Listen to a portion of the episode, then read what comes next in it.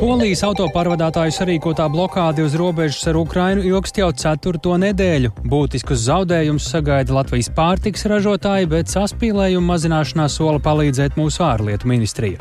Plašāks situācijas skaidrojums jau pēc brīža raidījumā pēcpusdiena.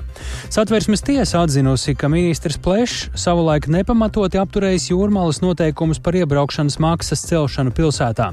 Ministrija vēl domā, kā uz spriedumu reaģēt, bet kā rīkosies jūrmālas dome, vai maksa par iebraukšanu būs lielāka un uz visu gadu. Latvijas vīriešu basketbola izlase par ceļazīmi uz Parīzes Olimpiskajām spēlēm cīnīsies savā laukumā. Startautiskā basketbola federācija šodien paziņoja, ka esam tikuši pie tiesībām rīkot Olimpisko kvalifikācijas turnīru. Par to visu plašāk raidījumā pēcpusdiena kopā ar mani Tāli Eipuru.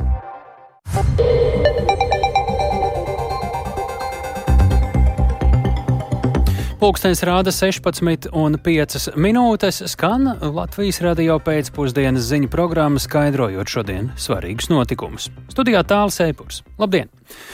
Jau ceturto nedēļu uz robežas ar Ukrainu ilgst Polijas autopārvadātāju sarīkotā robežas blokāde, un poļi no šodienas sola vēl ciešāk bloķēt vienu no galvenajiem robežu kontrols punktiem. Tikmēr Ukraiņi sākuši piegādāt palīdzību kravas auto rindās sēdošajiem šoferiem.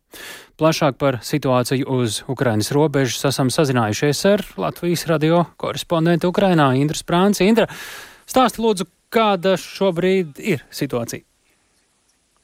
Labdien! Situācija uz Ukrainas-Polijas robežas ar katru dienu kļūst arvien saspīlētāk. Uz robežas iebraukšanu Ukrainā, iebraukšanu Ukrainā gaida ap diviem tūkstošiem kravas automašīnu, bet caurlaidība ir ļoti, ļoti niecīga. Poļi iebraukšanu bloķē, viņi prasa atļauju sistēmas atgriešanu Ukrainas pārvadātājiem, ko Eiropas komisija uzskata par juridiski neiespējamu. Ukraiņi iesaistot Eiropas Savienības institūcijas cenšas panākt kādu risinājumu, bet pagaidām tas ir nesekmīgi. Turklāt situācija pasliktinās. Polijas autopārvadātāji no šodienas sola vēl vairāk mazināt kontrolpunkta medika Šegini caurlaidību. Ja kopš 6. novembra tas tika bloķēts laika posmā no 10. rītā līdz 9. vakarā, Tad no šodienas poļi sola to bloķēt visu diennakti. Un situācija autopārvadātājiem veidojas patiešām ļoti kritiska. Robežu kontrolas punktu caurlaidības spējas ir tātad pavisam gan arī nobloķētas, un autopārvadātājiem ir jāstāv uz robežas pat nedēļām ilgi, lai tiktu pāri. Un Ukraiņu mediji arī ziņo, ka stāvot šajās rindās veselības stāvokļa pasliktināšanās dēļ miruši pat jau ir divi autopārvadātāji. Par nozara atbildīgā ministrija šobrīd organizē humanās palīdzības sniegšanu rindā stāvošajiem šoferiem. Arī sestdienu kopiena attīstības teritorija un infrastruktūras ministrija kopā ar Startautisko autopārvadātāju asociāciju nogādājuši uz uh, robežas esošajiem šoferiem ūdeni, siltas pusdienas un medikamentus. Tāpat jau desmit dienas uz robežas par šoferiem rūpējas brīvprātīgo organizāciju Eh, kas šeit Ukrainā ir vairāk pazīstama ar to, ka mm, tā ēdināja cilvēkus kari, kara smagi izpostītajās teritorijās. Nu, tagad viņi uz robežas rūpējas par to, lai šoferi šo blokādu spētu izturēt. Un tas ir milzīgs izaicinājums nevien cilvēku spēkiem, bet arī Ukrainas ekonomikai. Tik ilga blokāda par paralizē produkcijas piegādi ir jāsaprot, ka šobrīd Produkcija uz un no Ukrainas galvenokārt tiek piegādāta pa ceļiem, jo Melnajā jūrā turpinās Krievijas uzbrukumi, un līdz ar to šī poļu pārvadātāja blokāde skar, nu, tālaini izsakoties Ukrainas ekonomikas galvenās artērijas. Un jāsaka, ka daudzi te Ukrainā šo blokādi nu, tajā saskata arī Krievijas intereses, proti Krievija visu šo laiku cenšas iznīcināt Ukrainu kā valsti, un tagad neļaujot brīvu transporta plūsmu, faktiski turpinās mēģinājumi pēc iespējas skaitēt Ukraiņiem šajā nu, jau tāpat ļoti smagajā, smagajā kara periodā. Uh, Blokādes dēļ robežu caurlaidība kravu transportam ir samazināta ārkārtīgi. Piemēram, lielākais kravu kontrolpunkts Ukrainā, kas ir Jagodina Dorahuska, normālos apstākļos var apkalpot 680 kravas automašīnas diennaktī, tad šobrīd Polijas blo puses uh, robežas blokādes dēļ Dienaktī to šķērso vien daži desmiti kravas auto. Un, lai kaut kā palīdzētu šo, šoferiem, šobrīd Ukrainā ir izveidots arī tāds tā kā speciāls štābs. Tā, tā mērķis ir apgādāt uz robežām sēdošos cilvēkus ar pārtiku, tad, tad dzeramo ūdeni un medikamentiem līdz tiks atjaunot stabila darbība. Un Ukraiņi arī ir aicinājuši Eiropas Savienību nosūtīt uzraudzības grupas uz uh, bloķētajiem kontrolpunktiem, lai fiksētu reālo situāciju uz robežas tāli. Jā, Indra, kas ir saprotams šobrīd, cik ilgi tas varētu ilgt, cik ilgi poļi plāno šo savu protestu turpināt? Nu, sākotnēji 6. novembrī, kad uh, poļu autopārvadātāji sāk šo protestu, viņi minēja, ka blokāda varētu būt līdz gada beigām. Uh, bet šobrīd gan tiešām notiek ļoti intensīvas sarunas, iesaistot Eiropas Savienības institūcijas, lai šis tomēr neturpinātos tik ilgi. Un uh, šajā nedēļas nogalē šis jautājums tika uzdots arī Ukrainas prezidentam Volodimiram Zelenskim. Viņš atzīmēja, ka Kīvai ir plāns, kā rīkoties, bet izmaiņām ir nepieciešams laiks. Neoficiāli izskan, ka Ukraiņi sagaida kādu pozitīvu risinājumu pēc tam, kad Polijā tiks izveidota un apstiprināta jaunā valdība un varas grožus savās rokās pārņems līdzšinējā opozīcija, bet mēs, protams, nezinām, kad tas īsti varētu notikt. Šo sestdienu uh, telefonu sarunā situāciju uz Ukrainas robežas pārnāja arī Latvijas ārlietu ministrs Krišāns Kariņš un Polijas Eiropas lietu ministrs Simons Sinkovskis, un sarunā Cita starpā Kariņš piedāvājis, ka Latvija varētu iesaistīties konflikta risinājumu meklēšanā. Un neoficiāli zināms, ka Latvija kopīgi, kopīgi ar Lietuvu un Igauniju šobrīd visos iespējamos diplomātiskos veidos mēģina mudināt poļus uz kādu risinājumu, jo ir patiešām ļoti liela neapmierinātība ne tikai saistībā ar šo pašreizējo blokādi, bet jau faktiski ilgāku laiku arī citos jautājumos, kas skar robežas darbu, piemēram, meklējot ceļus Ukrainā izaudzēto graudu izvešanai pa dzelz, dzelzceļu. Šobrīd vislielākie administratīvie šķēršļi atrodas tieši Polijā, un lai arī Polija ir bijusi un ir ļoti tūs sabiedrotais Ukrainai tās cīņā pret iebrucēju, šobrīd ir sajūta, ka sabiedroto pacietības mēri pamazām tiek izsmelti un tiek meklēti visi iespējamie līdzekļi, lai šie jautājumi ris risināšana izkustētos. Un, protams, sekosim tam līdzi. Tiesa, tas ir jādara, jo situācija arī šeit Latvijā sāk kļūt neērta. Paldies Indrais Prancei. Proti, tas, ko nu pat dzirdējām no Indras sacītā, Latvijas pārtiks nozarei var radīt vismaz 30 miljonu eiro zaudējumus eksportā, un ne tikai sarežģījumi var būt arī daudz lielāki, un sākas var nepatīkami izjust arī pircēju veikalos Latvijā. Tā pirms laicini ierakstītā sarunā raidījuma pēcpusdienas sacīja Latvijas pārtiks uzņēmumu federācijas padomas priekšsarātāja Ināra Šure. Gan eksports, gan imports, izēvielu imports ir saistītas lietas. Mēs saņemam diezgan daudz izēvielu. Tās ir lētākas kā vidēji Eiropas Savienībā. Un bez šaubām, ja pašlaik mēs nesaņemam šīs izēvielas, tad mēs arī nevaram saražot eksportu. Mēs ražojam preci, pievienoto vērtību un tad tālāk iet uz eksportu. Daudziem uzņēmumiem pašlaik jau krājumi beidzas, lai pārorientētos uz citiem tirgiem izēvielu tie ir daudz dārgāki, un bez šaubām, ka tam ir vajadzīgs laiks.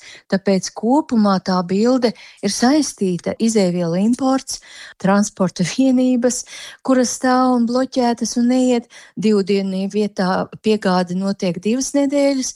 Labi, ja vispār atnāk, var jau arī braukt caur Rumāniju vai kā, bet tas ir dārgāk. Tāpēc bez šaubām, ka tās ir lielas problēmas pārtikas uzņēmumiem, sevišķi lielie uzņēmumi, gan konditorie, gan gan maize, gan zīves, gan piena produkti, kur iet uz eksportu patiešo uz Ukrainu, kuri nevar principā reāli aizvest kravas un iespējamie zaudējumi tiešām var būt arī pat lielāki, jo mēs tikai apstījāmies lielos uzņēmumus, kur ir eksportētāji vislielākie, bet ir arī pārējie uzņēmumi. Mēs tā ņēmām vidēji pusi no iespējamā Latvijas eksporta, tāpēc tas var būt arī vairāk. Jūs teicāt, pusi no Latvijas eksporta, tas var ietekmēt vispār. Pusi mēneša eksporta, jā. Nu, varētu tā būt, jo pašlaik tā situācija ir neprognozējama, tāpēc daudz uzņēmumi ir neziņā pašlaik, ko darīt, vai turpināt ražot uz Latvijas tirgu, vai uz eksportu, kur ir lielākas soda sankcijas. Tas viss kopumā ir saistīts. Bet, Kādas uh, sekas vai... mēs faktos tuvākajā laikā redzēsim, ja tā blokāde uz robežas turpināsies, ko redzēs patērētāji un kas notiks ar uzņēmumu? Nu, es, ziniet, es varu tikai modelēt. Šajā gadījumā var samazināties kaut kāds preču klāsts Latvijas tirgū, lai nodrošinātu eksportu, vai arī otrādi vietējais produkts paliks dārgāks, izēvielas, kas aizies līdz Latvijas veikalam, varētu būt dārgāks. Neprognozējama bilde, kas ir atkarīga no katras dienas situācijas, un mēs gaidām tāpēc izlēmīgu ārlietu ministrijas darbību nevis vēstnieku līmenī, bet tieši ministra līmenī vai pat augstāk, lai varētu atrisināt šo situāciju uz robežām vai taisīt tranzīta koridorus steidzīgi, jo jāatbrīvo tās transporta vienības, kuras stāv un gaida, vienkārši gaida, jo nekur netiek. Un es īsti nesaprotu to polijas nostāju. Galu galā viņi visu laiku palīdzēja Ukrainai, tad savā starpā kaut kādu sīku, varbūt iemeslu dēļ, viņi rada problēmas eh, arī citām valstīm ne tikai sev, kur viņi grib kaut ko panākt, vajadzētu skatīties lielākos apmēros un runāt augstākā līmenī, lai Polija novērstu šo radušo situāciju. Tālūk, Ināra Šura, Latvijas pārtikas uh, uzņēmuma federācijas padomas priekšsarātāja par situāciju uz Ukrainas un Polijas robežas un ka tā Latvijas pārtikas nozarē var radīt uh, vismaz 30 vai vairāk miljonu eiro zaudējumus, īpaši jau runājot par eksportu. Bet e-adresi un citiem iestāžu pakalpojumiem piekļūt turpmāk varēs uh, ar uh, Smart ID lietotni, tā ziņo Vīdes aizsardzības un reģionālās attīstības ministrija. Līdz šim šo risinājumu lielākoties var izmantot vienu noteiktu banku klienti. Šo lietotni viedierīču lietotāji varēs izmantot arī paralēli e-paraksts mobile risinājumam, tāpēc ministrija arī aicina ikvienu Smart ID lietotāju izveidot e-adresi, lai turpmāk visas valsts un pašvaldību iestādes ar iedzīvotāju sazinātos tikai elektroniski. Vides un reģionālās attīstības ministrijas valsts sekretāra vietnieks digitālās transformācijas jautājumos Gatis Ozols pie redzījuma pēcpusdienu klausulas. Labdien! Labdien, labdien! Kur un kas eh, līdz šim varēja izmantot šo mm, smart ID rīku un cik būtiski lietotāju iespējas turpmāk paplašināsies, kā jūs teikt? Jā, nu, līdz šim uh, iedzīvotāji jau lielāko daļu valsts pakalpojumu varēja saņemt, izmantojot savas uh, internetbankas risinājumus, kas nu, lielākā daļā gadījumā arī izmantoja šo pašu smart ID risinājumu. Bet, uh, tā kā bankām šīs identifikācija nav pamatdarbība, tad šobrīd smart ID ir pats sevi nokvalificējis kā tādu pakalpojumu sniedzēju. Un, Tas nozīmē, ka nu, lielākā daļa pakalpojumu cilvēkiem būs pieejami joprojām, kā bija līdz šim. Papildus nāk vairāki pakalpojumi, kur bija nepieciešama tāda paaugstināta drošība, kuri bija līdz šim pieejami tikai ar uh, e-parakstu mobile. Uh, nu, tādi piemēram ir oficiālā e-adrese, kur iedzīvotājs var aktivizēt šobrīd arī ar šo smart ID risinājumu. Tāpat arī e-lietas portāls, kur cilvēki var sekot tiesvedības procesiem, arī bija pieejams tikai šādā veidā. Un, un tad bija arī tad, no 2024. gada paredzams, ka arī e-veselības portāls būtu tikai kvalificētajiem rīkiem pieejams. Tas nozīmē, ka cilvēkiem nekas nemainīsies, un tiem, kas lietoja šos, šo risinājumu, arī varēs turpināt to lietot arī un, un pieiet e-veselības portālam arī izmantojot Smart ID risinājumu. Vienkāršiem vārdiem sakot, pa taisno ar Smart ID, nevis vēl pa starpu esot eh, internetbankai. Tas nozīmē, jā, ka, jā. ka kaut kā to varēs arī izmantot, lai parakstītu dokumentus, vai tas tā īsti nedarbojas? Tad, Dokumentu parakstīšanu jau līdz šim varēja izmantot, un uh, pakalpojums uzņēmums arī piedāvā tādu pakalpojumu. Šos parakstītos dokumentus jau līdz šim arī valsts un pašvaldību iestādes ir uh, tikušas pie, uh, pieņēmušas, jo viņš atbilst šim starptautiskam standartam. Viņš jau bija pirms tam uh, teikt, kvalificējies, kā, tur, tur nekas nemainās, to var izmantot un valsts iestādes arī, arī, arī uh, pieņem. Bet arī e-paraksts LV var tikt iekšā ar to. Arī ar e-parakstu, paš, viņam pašam arī savs elektroniskais ah, paraksts, pašam smart ID. Uh, Bet attiecībā uz iedzīvotājiem, jā, mēs aicinām arī, protams, iedzīvotājiem izmantot, ka viņiem ir paralēli divi šie risinājumi, gan e-paraksts mobile, teikt, kā, pat, kā divas pildspalvas labāk, lai ir katram gadījumam. Ja. Tāpat arī aicinām iedzīvotājus šobrīd arī no tiem, kur lieto tikai Smart ID, aktivizēt šo oficiālo elektronisko adresi, jo tas nozīmē, tad, kad jūs aktivizējat, tas ir tāds signāls visām valsts un pašvaldību iestādēm, kad jūs vēlaties ar viņiem sazināties tikai elektroniski, un tad iestādes vairs papīrā jūs netraucēs un sūtīs visus paziņojumus tikai elektroniskā veidā. Agrāk nebija smartīte pietiekami droši. Uh, viņš, uh, tā drošība viņam uh, bija, bet šobrīd tad, viņi ir izgājuši valstī noteikto procedūru. viņiem ir papildus uh, piešķirta iespēja pārbaudīt tad, datus pret valsts reģistriem atsevišķos gadījumos, ja tas piešķir viņam papildus vēl šo drošības aspektu. Droši kā, kā risinājums viņš tiem mērķiem, kam viņš bija izmantojis šiem banku maksājumiem, viņš bija bet attiecībā uz valsts pakalpojumiem nāca papildus līmenis, mm -hmm. klāta pārbaude, tad, un to, to viņi šobrīd ir izdarījuši, tāpēc viņi kvalificējušies šim iespējai arī piedāvāt pakalpojumus valstī. Lielas paldies par sarunu. Vides aizsardzības un reģionālās attīstības ministrijas valsts sekretāra vietnieks digitālās transformācijas jautājumos Gatis Ozols bija mūsu sarunbiedrs. Tagad eh, paralēli e-mobile eh, parakstam varēs izmantot arī šo smart ID daudz, daudz biežāk nekā līdz šim. Bet šobrīd pievēršamies uh, ekonomikai un drošībai vienlaikus. Trīs Latvijas gāzes valdes locekļi - Aigars Kalvītis, Elita Dreimane un Egils Lapsalis - iegādājušies 28,97% Latvijas gāzes akciju. To viņi paveikuši caur sev piedrošo speciālu mērķu kompāniju SIA Energy Investments, tā liecina kompānijas paziņojums biržai Nasdaq Rīga. Līdz ar to faktiski ir nopirktas visas akcijas, kas līdz šim piederēja Luksemburgas investīciju fondam Margarita 2. Uzņēmuma Latvijas gāzes vadība saka, ka uh, vadības uh, izpirkuma process uh, ļaus noturēt Latvijas gāzes pozīcijas kā vienam no Baltijas enerģētikas līderiem. Un pie mūsu klausulas šobrīd, lai vērtētu šo, ir Saimnes tautsēmniecības agrārās vidas un reģionālās politikas komisijas, priekšsērātājs Skaidrīta Ābrama no progresīvajiem. Labdien! Labdien! Latvijas gāze joprojām ir de facto gandrīz vai monopolists savā tirgus daļā. Kā vērtējam šāds darījums un īpašnieku maiņa tik lielā un Latvijā svarīgā uzņēmumā, arī ar drošību, enerģētisko drošību saistītā uzņēmumā, kam joprojām ir šāds monopols stāvoklis?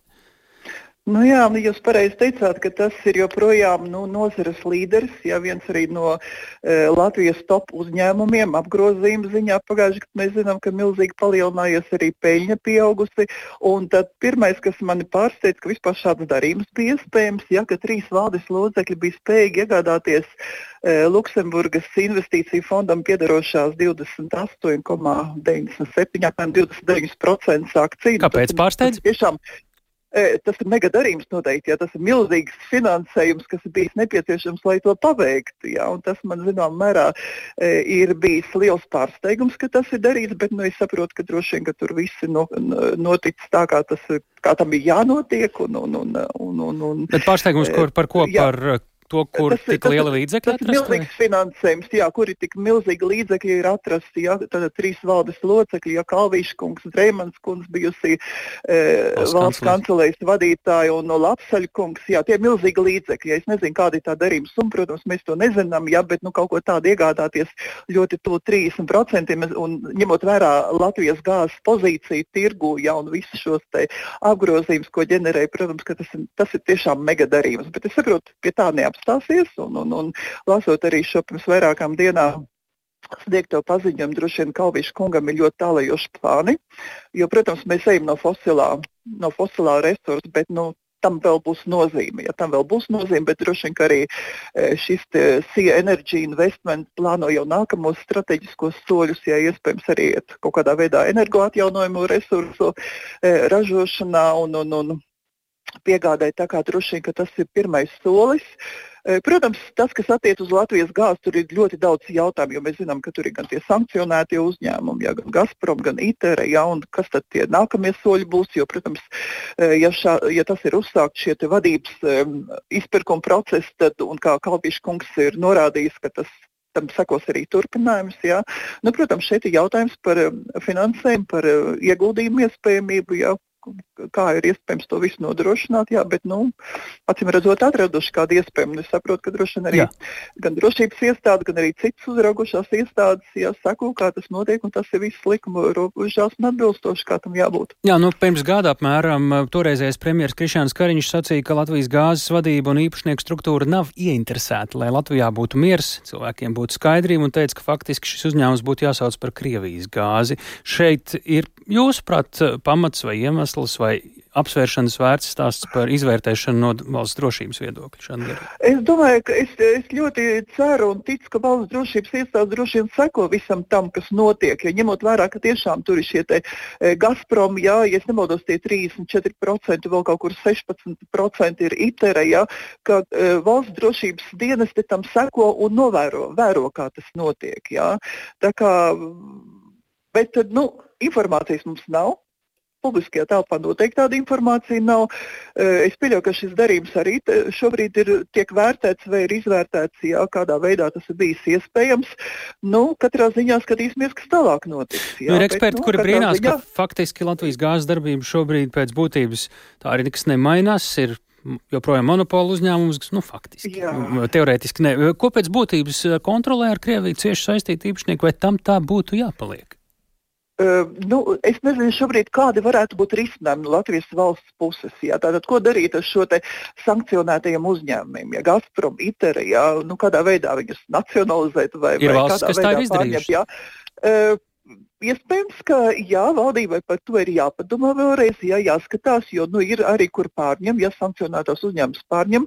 Bet es pieļauju, ka ļoti piesardzīgi raugās uz šo, jo tas ir tiešām milzīgs mega uzņēmums ar milzīgu apgrozījumu. Ja, droši vien arī šīs iespējamās starptautiskās un kādas vēl tiesvedības, ja tas varētu būt tas, kas attur. Bet, godīgi sakot, man arī nav informācija nekāda, vai par to ir domāts un vērtēts kaut kāds scenārija A, B, C, kā rīkoties. Jā. Tas, ka pateikts, jā, ka tas, jā, protams, ka lielā mērā mm. tas ir, jā, liel, mūsu izpratne un tā arī pēc visām šīm dabasgāzes piegādēm, jā, mēs varam teikt, ka tas ir lielā mērā Krievijas uzņēmums, joprojām pārsteidz, ka arī Latvijā darbojas uzņēmums, kuri ir sankcionētie, jā, tātad šie te, e, pakalpojumu sniedzēja un, un, un nekāda mm -hmm. risinājuma tam netiek Jā. meklēta. Nu, skatīsimies, kā Kalvīša kungs tālāk veidos e, caur šo e, SIA Energy Investment, jā, tātad e, kādas konstrukcijas veidosies tālāk. Jā. Paldies! Paldies par sarunu Skaidrītā Abrama, Saimas tautsaimniecības e, komisijas priekšsēdētāja. Mēs e, turpinām raidījumu pēcpusdienā par pārvietošanos divu lielu Latvijas pašvaldību teritorijā, un sāksim mēs ar Jūrmalu. Satversmes tiesa ir atļāvusi Jūrmalas domē paaugstināt iebraukšanas maksu pilsētā un to iekasēt cauru gadu. Secināts, ka par pašvaldībām atbildīgā ministrija šādu kurortu pilsētas lēmumu kādreizajā ministra Artur Tomu plēša laikā bija apturējusi nepamatoti. Pašvaldībā saka, ka iebraukšanas maksu uzreiz nemainīs, bet par termiņu Jūrmālas domas deputāti lems jau otrdien. Par šiem un arī par satversmes tiesas apsvērumiem vairāk Jāņa Kīņš ierakstā. Jūrmalā īpašo režīmu ar iebraukšanas maksu vairākus mēnešus gadā ieviesa jau 1996. gadā. Daudzus gadus iebraukšana kurorta pilsētā no 1. aprīļa līdz 30. septembrim maksāja 2 eiro. Jūrmālas doma jau pirms diviem gadiem plānoja to palielināt līdz 3 eiro un noteikti visu gadu, lai mazinātu satiksmi cauri pilsētai. Toreizējais vides aizsardzības un reģionālās attīstības ministrs Artūrs Toms plešno attīstībai par pārmeta plānoto izmaiņu nesamērīgumu un nepietiekamu apspriešanu ar iedzīvotājiem. 2021. gada decembrī ministrs saistošos noteikumus apturēja. Jūrmālas pašvaldība vērsās satversmes tiesā, kas bijušā ministra vērtējumiem nepiekrīt. Turpina satversmes tiesas priekšsēdētājs Aldis Laviņš. Satversmes tiesa šajā lietā uzsvēra, ka šai likmei ir jābūt sabalansētai ar sabiedrības spēju šo nodevu samaksāt, lai neizveidotos situācija, ka tikai turīgākā Latvijas sabiedrības daļa var iebraukt jūrmālas īpašā režīma zonā. Satvērsmes tiesa secinājusi, ka bijušā ministra rīkojumā ietverti argumenti par pašvaldībai dotā pilnvarojuma pārkāpšanu nav pamatoti. Pašvaldība bija tiesīga gan noteikt īpaša režīma zonu ar mērķi aizsargāt labvēlīgu vidi, gan noteikt nodevu par auto iebraukšanu šajā zonā. Pašvaldības apkopotie dati par jūrmalā iebraukušajiem auto ir apliecinājuši nodevas lomu transporta plūsmas mazināšanā. Tam, nolasot spriedumu, uzmanību pievērsa satvērsmes tiesas priekšsādētājs. Nodeva veids preventīvu funkciju un attur personas no iebraukšanas īpaša režīma zonā Jūrmalā. Šajā zonā iebraukušo transporta līdzekļu skaits mēnešos, kad nodeva netika piemērota, ir bijis lielāks nekā citos. Tā kā nodevas mērķis ir samazināt īpaša režīma zonā Jūrmalā iebraucošo transporta līdzekļu skaitu, Nodevas likmes palielināšanas un piemērošanas perioda pagarināšana ir vērsta uz šāda mērķa sasniegšanu. Jūrmālas domas deputāti šovasar vēlreiz lēma iebraukšanas maksu palielināt līdz 3 eiro un iekasēt to visu gadu. To bija paredzēts ieviest no 1. novembra, taču varam ministrija vēlreiz neapstiprināja Jūrmālas domas pieņemtos saistošos noteikumus. Līdz ar satvērsmes tiesas spriedumu iebraukšanas maksas izmaiņām šķēršļi vairs nav, taču ne uzreiz, jo būs vajadzīgs laiks, piemēram, ilgtermiņa caurlaižu un caurlaižu ar atvieglojumiem sagatavošanai, stāsta Jūrmālas pašvaldības pārstāve Zane Leite. Tātad rītdien tiks sasaukt ārkārtas jūrmās domas sēde, kurā deputāti lems par termiņu, kad varētu stāties spēkā jaunā kārtība. Šobrīd ir skaidrs, ka šogad decembrī vēl tas nebūs, bet tas būs nākamgad, un rītdien mēs varēsim pateikt konkrētu, teiksim, tā datumu, kad šī jaunā kārtība stāsies spēkā. Tā Jānis Kīns stāstot par jaunāko satvērsmes tiesas spriedumu, bet Rīgā studējošajiem mēnešu biļete Rīgas satiksmes transportā varētu maksāt lētāk. Tagadējo 15 eiro vietā tie būtu 12 eiro. Par to šodien ziņoja domas atbildīgā komitejā. Un Rīgas satiksmē jau lēš, ka tas viņiem, viņu makam ik gadu eh, liktu garām aizceļot 400 tūkstošiem eiro. Kā pašvaldībai rīkoties? Par to domas tīmekļa vietnē var izteikties tagad ik viens iedzīvotājs. Un tūlīt arī vaicāsim kolēģim Viktoram Damīdovam, kas ir sakojis līdz šim tematam, kāpēc pašvaldība vispār izskata iespēju samazināt studentu tieši mēnešu biļetes eh, cenu, jo sākotnēji Latvijas studentu apvienība taču lūdza samazināt cenu par vienreizēju braukšanas biļeti. Cits, cits lūgums vispār bija un par kādiem termiņiem vispār un Viktor. Jā, labdien! Nu, nu, jau iepriekš esam runājuši, ka daudzi Rīgas studenti nav apmierināti ar biļešu tarifiem, kas spēkā stājās šī gada sākumā, un iemesls vienreizējā 90 minūšu biļete maksā eiro 50. Iepriekš tā maksājusi 5 reizes lētāk, jeb 30 centus. Par atlaižu atjaunošanu studenti Rīgas doma cīnās jau kopš pavasara. Pēc ilgiem aprēķiniem pašvaldība paziņoja, ka varētu samazināt biļ mēneša biļetes cenu, kas jau tagad maksā 15 eiro, jeb divreiz mazāk nekā pilnā mēneša biļete - 30 eiro. Tātad domas piedāvātais kompromiss ir 12 eiro. Tas sanāk astoņas vienreizējās biļetes. Studentu lūguma doma nevirza, jo tas būtu pretēji izvirzītajiem mērķiem, proti vienkāršot biļešu klāstu. Nu, tā teica šodien eh, Rīgas domas satiksmes un transporta lietu komitejas sēdē. Kā to vērtē studenti? Lūdzu, noklausīsimies Latvijas studentu apvienības prezidenti Lieni Levadu.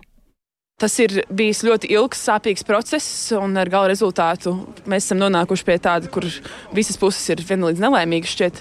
Uh, bet nu, tas noteikti ir labāk nekā nekas.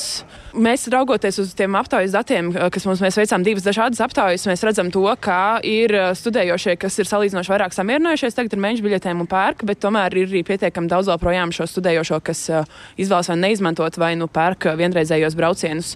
Tāpēc noteikti jautājums par to, kāpēc studējošie studējošie izvēlas vai neizvēlas braukt sabiedrisko transportu, ir komplicēts, bet uh, mēs domājam to, ka vēl lētāks varētu tiešām paaugstināt uh, to studējošo skaitu, kas izvēlās sabiedrisko transportu.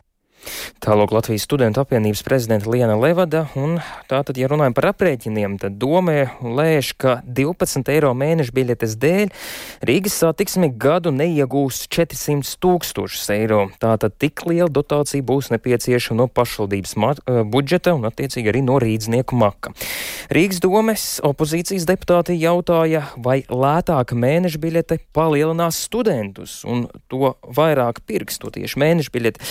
Taču Rīgas satiksme pretēji studentu apvienības prognozēm saka, nu, ka mēnešu biļetu, mēnešu biļešu pircēju skaits nepalielināsies. Tagad mēnesī ir vidēji 11,6 tūkstoši studējošo, nu, kas šīs mēnešu biļetes pērk, un tādi ir Rīgas satiksmes dati. Un ar domas darbu nav apmierināti opozīcijas deputāti no frakcijas progresīviem. Lūdzu, noklausīsimies Justīnu Panteliejevu. Rīgas metropoles areālā mēs skatāmies uz sabiedriskā transporta maršrutu pārorientāciju. Jautājums, kādā veidā, kurš, atvainojas pie vēlna, dos uzdevumus strateģiskai Rīgas satiksmes arī maršrutu pārplānošanai un uzdevumu sniegšanai, jo pašlaik skatoties, kā vismaz šis jautājums tiek veidots, desmit mēnešu garumā ārtelpas mobilitātes departaments nav spējīgi saprast to, ka šeit ir vajadzīga scenāriju analīze un pastīties, kādā veidā var mainīties arī studentu braukšanas paradumi.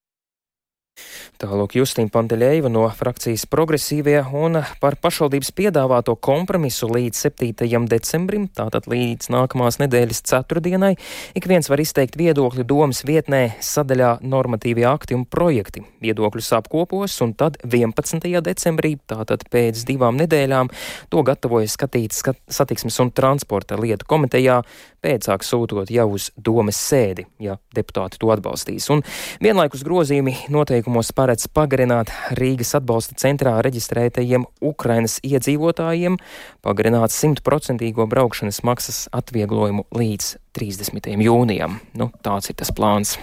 Paldies, tik tālu Viktors Dmīdovs par iespējamām izmaiņām un variantiem, kā risināt to, cik tad studentiem būtu jāmaksā par braukšanu Rīgas sabiedriskajā transportā. Bet vai grāmatai ir knābis? Tā sauc šodien atklātu interaktīvo izstādi, kuras mērķis ir ieinteresēt bērnus lasīt un saprast izlasīto.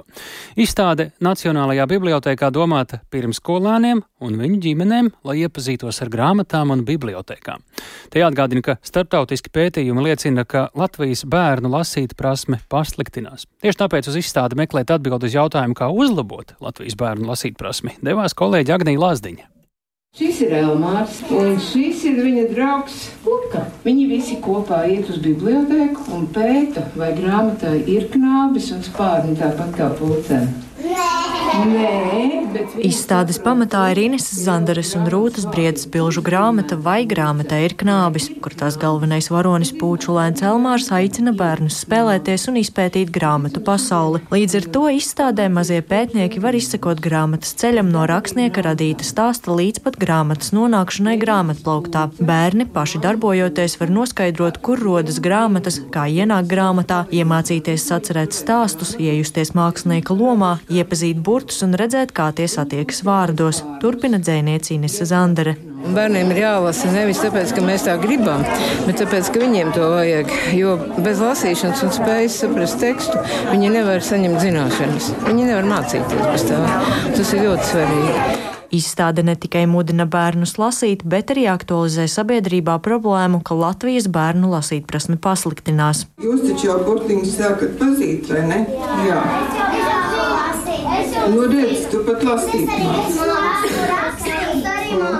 Kā skaidro Rīgas pirmsskolas izglītības iestādes virsmu dārza pirmsskolas skolotāja Anita Vitmane, lasītprasme bērnam nenāk tikai no bērnu dārza puses, bet arī no ģimenes, kurai ir bērns gan jāmāca lasīt, gan jāiepazīstina ar grāmatām. Šobrīd tas, ar ko es saskaros, ir ļoti dažādi tie līmeņi no tādiem, kas tikai šobrīd kaut kādas silpas varbūt savāk, un tādi, kas jau tiešām jau arī lasa ar izpratni. Līdz ar to tas vienkārši no pedagoga nu, prasa to papildus originalitāti un dažādiem līmeņiem pielāgot viņiem uzdevumus. Tā kā, kopumā šobrīd es varētu teikt, ka vismaz ar tiem bērniem, kuriem es šobrīd strādāju, kad, um, tas, tas līmenis ir salīdzinoši labs un uh, nav tā, ka ir kaut kas kritisks. Kā liecina starptautiskā lasītprasmes novērtēšanas pētījuma dati, lai gan kopumā Latvijas skolēnu sasniegumi ir augstāki par vidējo, tomēr salīdzinot ar vēl senākiem datiem, rādītājos redzams nozīmīgs lasītprasmes kritums. 6% jeb aptuveni katrs 17. skolēns Latvijā nesaprot izlasīto tekstu. Iepriekš pētījumos šādu rezultātu uzrādīja tikai 1 līdz 2% skolēnu. Tāpat arī lasītprasmes sasniegumi meitenēm Latvijā ir ievērojami augstāki nekā zēniem. Saskaņā ar pētījuma definīciju skolēniem 4. klasē būtu jāuzrāda tāds zināšanu līmenis, kas liecina, ka viņi var izmantot lasīt prasmi, lai mācītos, nevis vēl joprojām mācās lasīt. Iepaliekot lasīt prasmē, skolēni atpaliek arī citos mācību priekšmetos. Latvijas Nacionālās bibliotēkas atbalsta biedrības direktore Kārina Petersona uzsver, ka lasīšana ir visa pamatā, un lai bērnam būtu laba lasīt prasme, nevar paļauties tikai uz izglītības iestādi, būtiska loma ir arī ģimenei.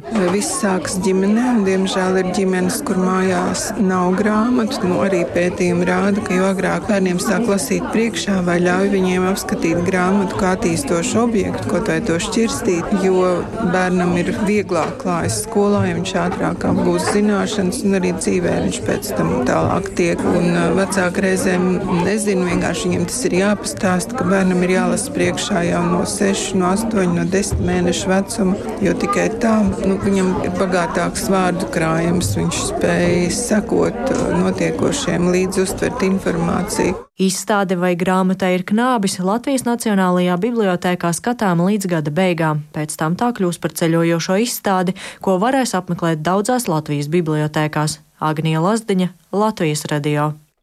Bet par sportu Latvijas vīriešu basketbola izlase par ceļazīmi uz Parīzes Olimpiskajām spēlēm cīnīsies savā laukumā. To šodien apstiprināja Startautiskā basketbola federācija, nosaucot visu četru olimpisko kvalifikācijas turnīru rīkotājus. Latvijas starp tiem. Plašāk par šodienas galveno aktualitāti Latvijas sportā mēs sarunāsimies ar kolēģi Māri Bergu. Saki, Māri, kuras valstis vēl tikušas pie tiesībām rīkot šādus pat uh, olimpiskos kvalifikācijas turnīrus un uh, kāda vispār bija konkurence?